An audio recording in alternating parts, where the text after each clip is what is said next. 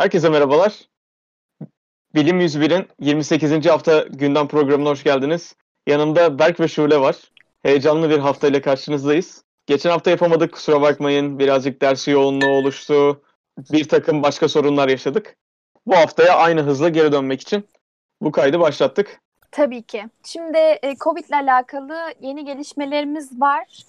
E, bununla başlangıç olarak şöyle bir şey diyebilirim. Şimdi hafif bir şekilde koronavirüs geçiren e, hastalarda ciddi beyin bozukluklarına sebep olabilirliğiyle alakalı bir haberimiz var. Bu araştırma Brain dergisinde yayınlanıyor ve e, İngiltere'de İngiltere'de gerçekleşen vakalardan yola çıkılarak yapılmış bir araştırma. Nörologların e, bu zamana kadar işte sinir hasarı ya da beyin iltihabı gibi komplikasyonları olan ve inmeye kadar e, giden bu değişkenlik gösteren 40'tan fazla e, İngiltere'deki COVID-19 hastalarının ayrıntılarını paylaşıyorlar dediğim gibi.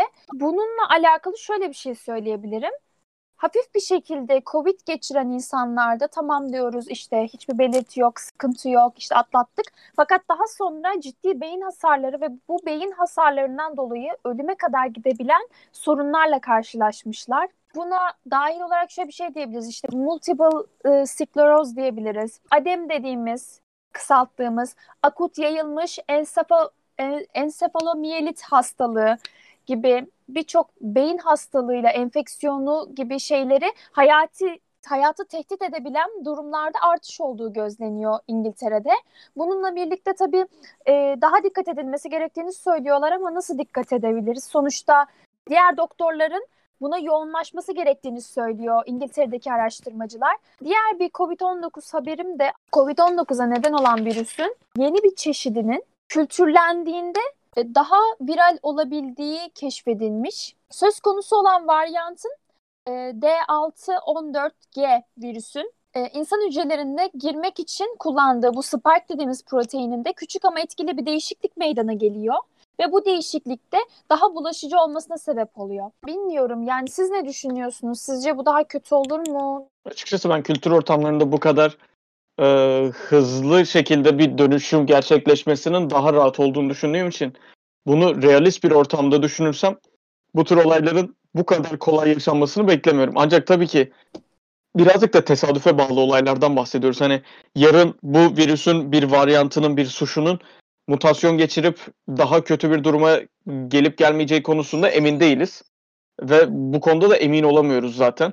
Ama dediğim gibi yani bu olasılıklar içerisinde oldukça ufak bir yer kapladığı için bence daha kötü olacağını düşünmüyorum. Belki senin yorumun ne bu konuda? Kültür ortamında biraz daha biz hani olası durumları görmek için çok uygun koşullar oluşturup mutasyona teşvik ettiğimiz için ihtimali yükseliyor ama günlük hayatta bunun olması daha zor hem bireyden bireye değişiyor hem de çevreden çevreye değişen koşullar e, mutasyona destek olsa da mutasyonun sürdürülebilirliği açısından bir engel oluşturuyor diye düşünüyorum. Arada şu yanım çok hoşuma gidiyor. Biyoloji okuduğum ve bu makaleleri anlayabiliyor olduğum oldukça hoşuma gidiyor. Bahsetmek istediğim haber de birazcık bununla alakalı. Çünkü haberi okurken şunu fark ettim ki bu böyle basit biyoloji bilgisiyle anlaşılabilecek bir haber değil. Birazcık daha böyle artık diplerine doğru inince kanabis sativa olarak geçen ve e, çoğu dünyadaki ülkede e, yasak olarak geçen bir bitkimiz var. Bizde ot olarak geçiyor ya da eser olarak biliniyor. E, İngilizce'de genel tanımı weed olarak geçen. Ama tabii bizim için önemli olan e, sativa olarak adı, biyolojideki adı. Şimdi e, bunun e, tabii ki fareler üstünde yapılmış çalışma, insanlar üstünde yapılmasını da hayretten e, isteriz. Ee, şöyle bir e, olayını fark etmişler. Kullanımı halinde insanları daha asosyal, daha doğrusu insanları demeyelim de canlıları daha asosyal bir kenara çektiği görülmüş. Bunun sebebi olarak da beyinle alakalı bu astrositlerin e, işlevinde bir tuhaflık yarattığı görülmüş. Tabii e, bu haberi okurken işin içine doğru girdikçe daha fazla biyoloji bilgisi gerektiriyor. Ben mümkün olduğunca bunlardan arındırarak anlatmaya çalışacağım. Ve insanları da çok kasmak istemiyorum çünkü hani THC'nin işte e, reak, reaktif oksijen stres faktörleri gibi şeylerden bahsedip de çok fazla insanları yormak istemiyorum açıkçası dinleyiciler için de. E, basitçe anlatmamız gerekirse bu THC maddesini yani tetro e, tetrahidrokanabinoid ya da kanabinoldü yanlış hatırlamıyorsam bu maddenin um, metabolik olarak beyindeki hücrelerin metabolizmasını yavaşlattı ve elektriksel aktiviteyi yavaşlatarak beyinde adeta bir yavaşlamaya sebep olduğu görülüyor. Ancak bu yavaşlamanın şöyle bir yan etkisi var. Aynı zamanda e, bu beynin yavaşlaması sadece bizim algılayabileceğimiz şekilde olmuyor. Aynı zamanda insanların iletişimden kaçmasında rol oynuyor ve bu sayede de e, yani aslında maalesef dememiz gerekiyor buraya bir insanları sosyal izolasyona ve asosyalliğe doğru döndürüyor. Ee, tabii işin iç kısmında o metabolizmayla oynuyor. Ortaya işte reaktif oksijen e, figürleri figürleri ortaya çıkartıyor vesaire diye çok fazla giden kısımları var. Ama bunu okuyunca açıkçası oldukça hoşuma gitti. Çünkü e, dünyadaki hala bazı ülkelerde serbest bırakılmalı şeklinde fenomenler ortada. Açıkçası ben serbest bırakılması gerektiğini düşünüyorum tabii ama bunun ciddi kontroller şeklinde yapılması gerekiyor. İnsanlar bunu tümüyle gerek dini sebeplerle, gerek tabusal sebeplerle, gerek etik sebeplerle tümüyle e, yasaklanması gereksinimi birazcık bana ağır geliyor. Yani gerekirse kırmızı reçeteli ilaçlar gibi satılabilecek maddelerden bahsediyorum ben bunları. Evet şimdi diyebilirsiniz. Ya zaten bu THC içerikli maddeler bazı kırmızı reçeteli ilaçlar da var. Benim bahsettiğim şey hayır bu zaten doğal bir madde. Mümkün olduğu kadar doğal şekilde tutup yine de kırmızı reçeteyle satabilmemiz daha iyi olurdu diye düşünüyorum. Sonuçta çok acı çeken insanlar için oldukça iyi bir sedatif, stimülan bir madde diyebiliriz aslında buna. Ben de biraz dilden bahsedeceğim. Şimdi biz böyle e, uzay konulu haberleri sunuyoruz bazen. E, çok farklı bir çalışma yapmışlar. Biraz daha böyle aslında biraz sosyolojiyle dil bilim arasında ama evrimi de içeriyor. Şimdi başka gezegenlere, e, galaksilere sonuçta uzun süreler alacak olan ve insanlığın birbirinden izole edilecek alanlara koloniler kurmak istiyoruz. E, fakat biz bunu şimdi başarsak bile bir süre geçtikten sonra insanlık olarak birbirimizi anlamayacak hale gelebilme ihtimalimiz çok yüksekmiş. Hatta kesinmiş. Yani ne oluyor? Bir dil bariyeri oluşuyormuş. Bu nasıl oluşuyor şimdi? Ee, en basitinden Mars'a gitmemiz bile 3 yılı alacağını düşünürsek mesela Güneş e, Güneş sisteminin dışındaki bir yere gittiğimizi düşünelim ve bir taşıma aracının içinde bulunuyoruz. Bu bulunduğumuz taşıma aracının içerisinde tabii ki nesiller atlıyor insanlık olarak. Onların çocukları, onların çocukları aslında birkaç nesil sonra oraya ulaşacak. Ee, burada zaten genetik ve biyolojik olarak meydana gelecek araç içerisindeki mutasyonları tahmin edemiyoruz çevre çok kısıtlı olduğu için. Ama dilde bile bir evrim meydana geliyor mu? Şimdi mesela Google kelimesini düşünelim. Herkes Google'ın ne olduğunu biliyor ve bu ortalama olarak 20 yıllık 20 yıllık bir sürede oluşmuş olan bir şey. Biz şimdi e, Google'lamak tabirini kullanabiliyoruz. Bir şeyi ne olduğunu bilmiyorsan Google'la diyoruz. Yani arat, araştır, ilgilen. Hani herhangi bir farklı arama motoru kullansanız bile Google'lamak diyebiliyorsunuz. 20 yılda bu oluşuyorsa 300 yıllık bir seyahatteki dil değişimini düşünün. Mesela 10 nesil e, yapılan araştırmada 10 nesil ilerlediğinde tamamen yeni konseptler ortaya çıkıyor ve bunun sonucunda yeni sosyal sorunlar ortaya çıkıyor. Bu sosyal sorunları konuşmak için insanlar da yeni dil içeren yollar oluşturuyorlar ve totalinde de yeni bir dil oluşuyor. Ve ne kadar uzaklaşırsak biz dünyadan, asıl kökenimizden o kadar yabancılaşıyoruz ve döndüğümüzde yolculuk tam anlamında iletişim kurmak için geri baktığımızda aslında farklı iki dili konuşan insan kolonisi olmuş olacağız. Ee, insanlar şu anda farklı dillere sahipler dünyanın farklı yerlerinde. Dini kitaplarda da geçen ve ütopik düşüncelerde de geçen dünyadaki bütün insanların aynı dili konuştuğu acaba böyle bir dünya yaratılabilir mi ya da böyle bir dünya olabilir mi herkesin birbirini anladığı şeklinde bir e, düşünce vardı aslında. Ancak bu düşüncenin e, ben yanlış olduğunu bir e, yurt dışı gezimde fark etmiştim. Farklı ülkeden gelen insanların birkaç nesil içerisinde nasıl farklı, aynı dili konuşmalarına rağmen nasıl birbirlerini anlamayacak şekillerde ki bu 100 yıldan daha kısa bir süre içerisinde oluyordu. E, bu kadar kısa bir süre içerisinde etkileşimleri olmalarına rağmen nasıl farklı diller konuştuklarını ve bu dillerin nasıl farklı şekilde yorulduğunu, kimisinin daha yavaş, kimisinin daha hızlı, kimisinin daha aksanlı, kimisinin daha yutarak kelimeleri konuştuğunu görünce oldukça şaşırmıştım ve o ütopik düşünce kafamdan silinmişti evet. Biz şu an içerisinde hani yaklaşık iki yıl içerisinde bile dünyada herkesin anlayabileceği bir dil kursak bile 50 yıl içerisinde insanların yine birbirini anlamayacağını düşünüyorum ben bu konuda. O yüzden haklısın.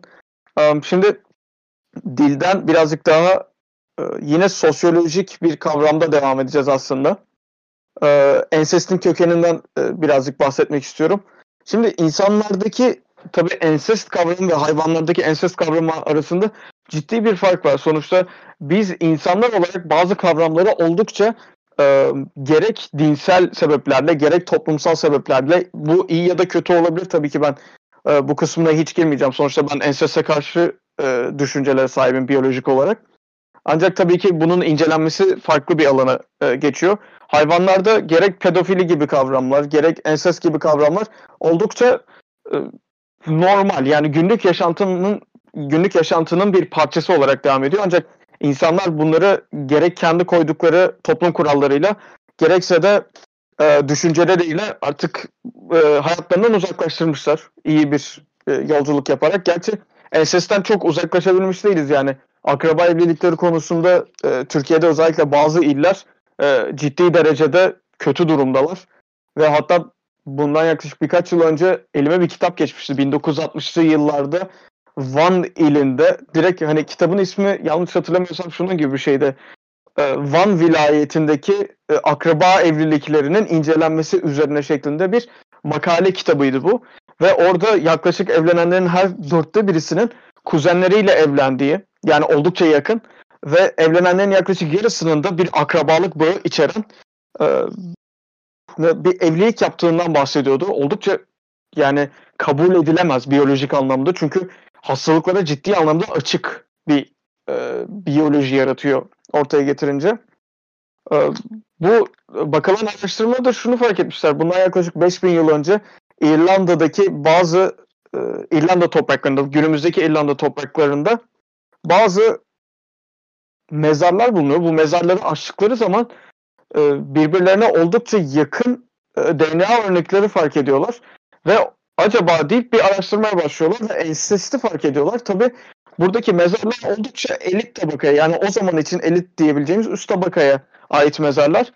Ve buradaki ensest kalıntılarının daha doğrusu bu e, ensesle dair DNA kalıntılarının e, tahmini olarak bugün hala doğuda devam eden, yani Türkiye'nin doğusunda devam eden e, bir geleneğe ait e, gelenekten ötürü geldiğini düşünüyorlar.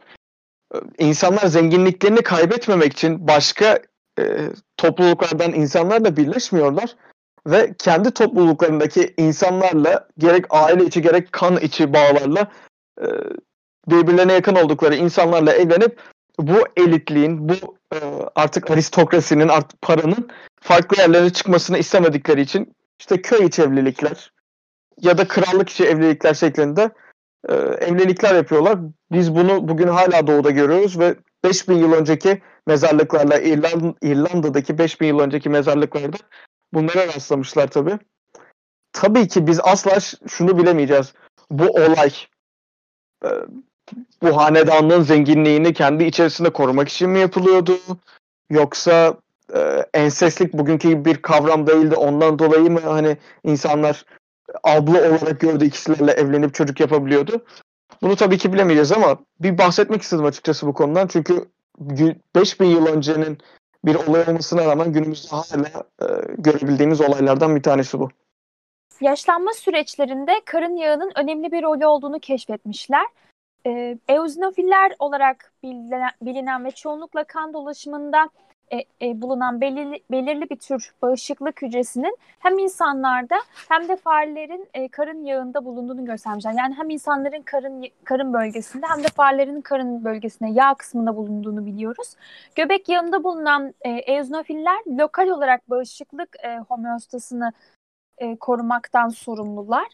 Yaş ilerledikçe de bu göbek yağındaki eozinofil sıklığı azalıyor ve proenflamatuar makrofajların sayısı artıyor. Dolayısıyla bağışıklık hücresinin dengesizliği nedeniyle göbek yağı yaşlılıkta işte sistemik olarak e, biriken proenflamatuar aracıların bir kaynağına dönüşüyor. Bu da tabii ki yaşlı insanı kırılgan ve daha az bağışıklık sahibi bir insana dönüştürüyor.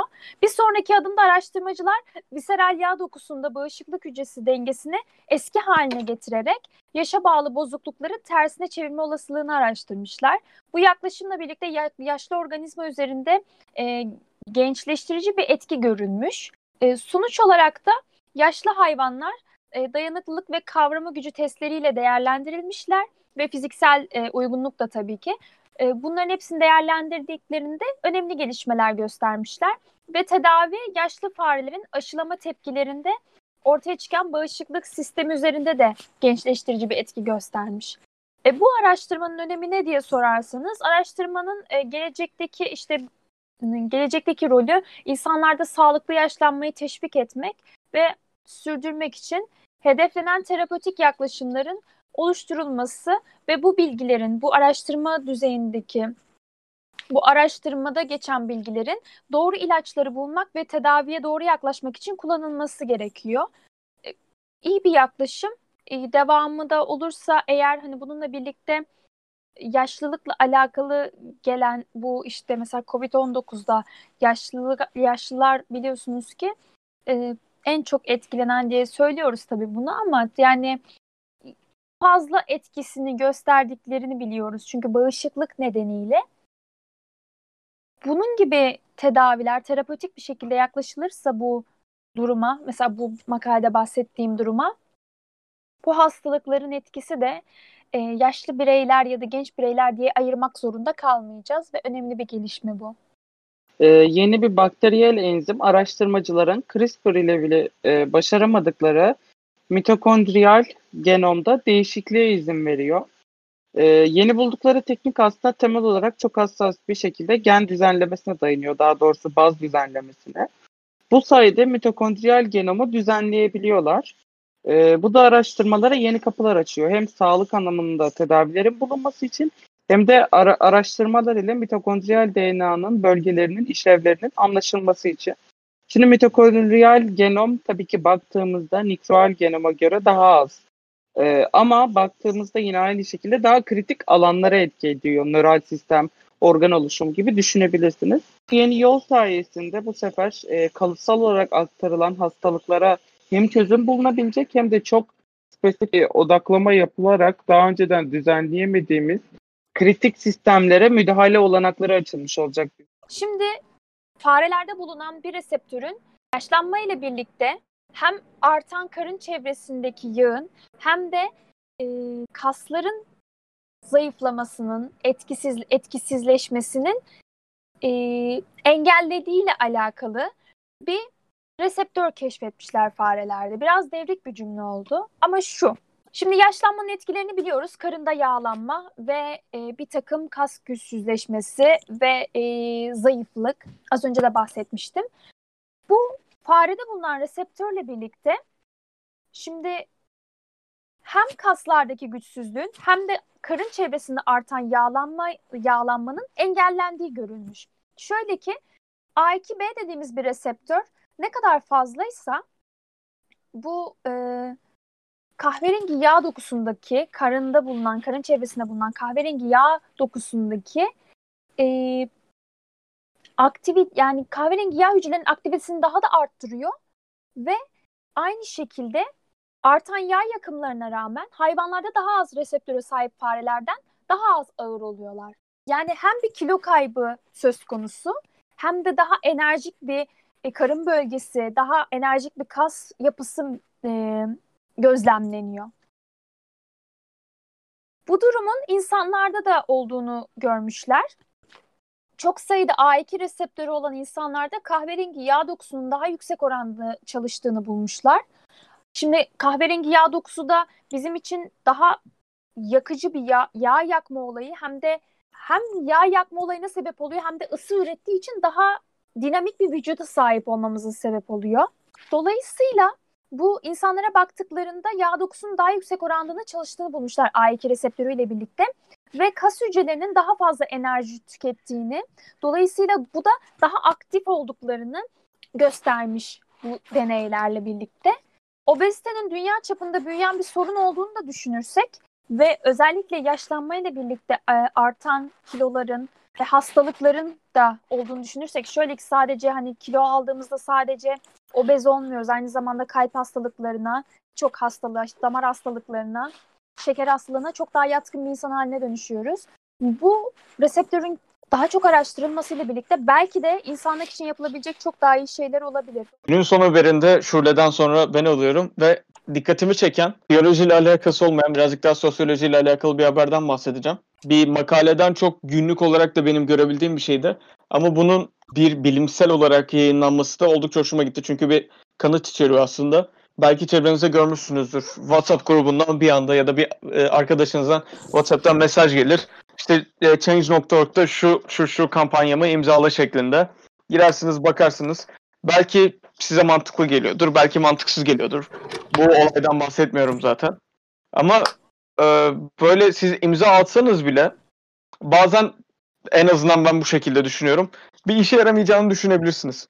Ben bu Change.org'dan gelen işte 150 bin imza topladık, 200 bin imza topladık gibi şeylerin çok az bir kısmının işe yaradığını fark ettim açıkçası.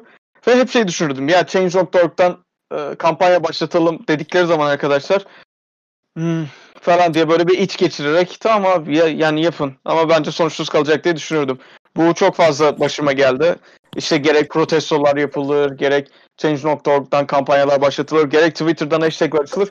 Bunların çok az bir kısmı yeterli oluyor. Hatta yeterli olmasını geçtim işe yarıyor diyeyim. Ee, Özellikle son dönemde yaşanan gerek işte Black Lives Matter'dır, şudur budur. Bunların tabii ki içeriğinden bahsetmiyorum ama e, bu yapılan protestoların ne kadar başarılı olduğu konusunda bir e, araştırma yapılmış. Ve araştırmanın sonucunda kısa keseceğim burayı.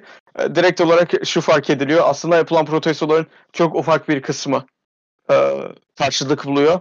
Ve yapılan bu protestoların da e, eğer bir olguya karşılık yapılıyorsa bu olgunun değişmesi için e, sonuç verme olasılığı da oldukça düşük şeklinde bulunuyor. Günün son haberi de bu şekildeydi. Bizlere sorularınızı ve görüşlerinizi 101.podcast.info.gmail.com adresinden ulaştırabilirsiniz ve Instagram adresimizden de e, mesaj atabilirsiniz tabii ki. Haftaya görüşmek üzere, hoşçakalın diyelim.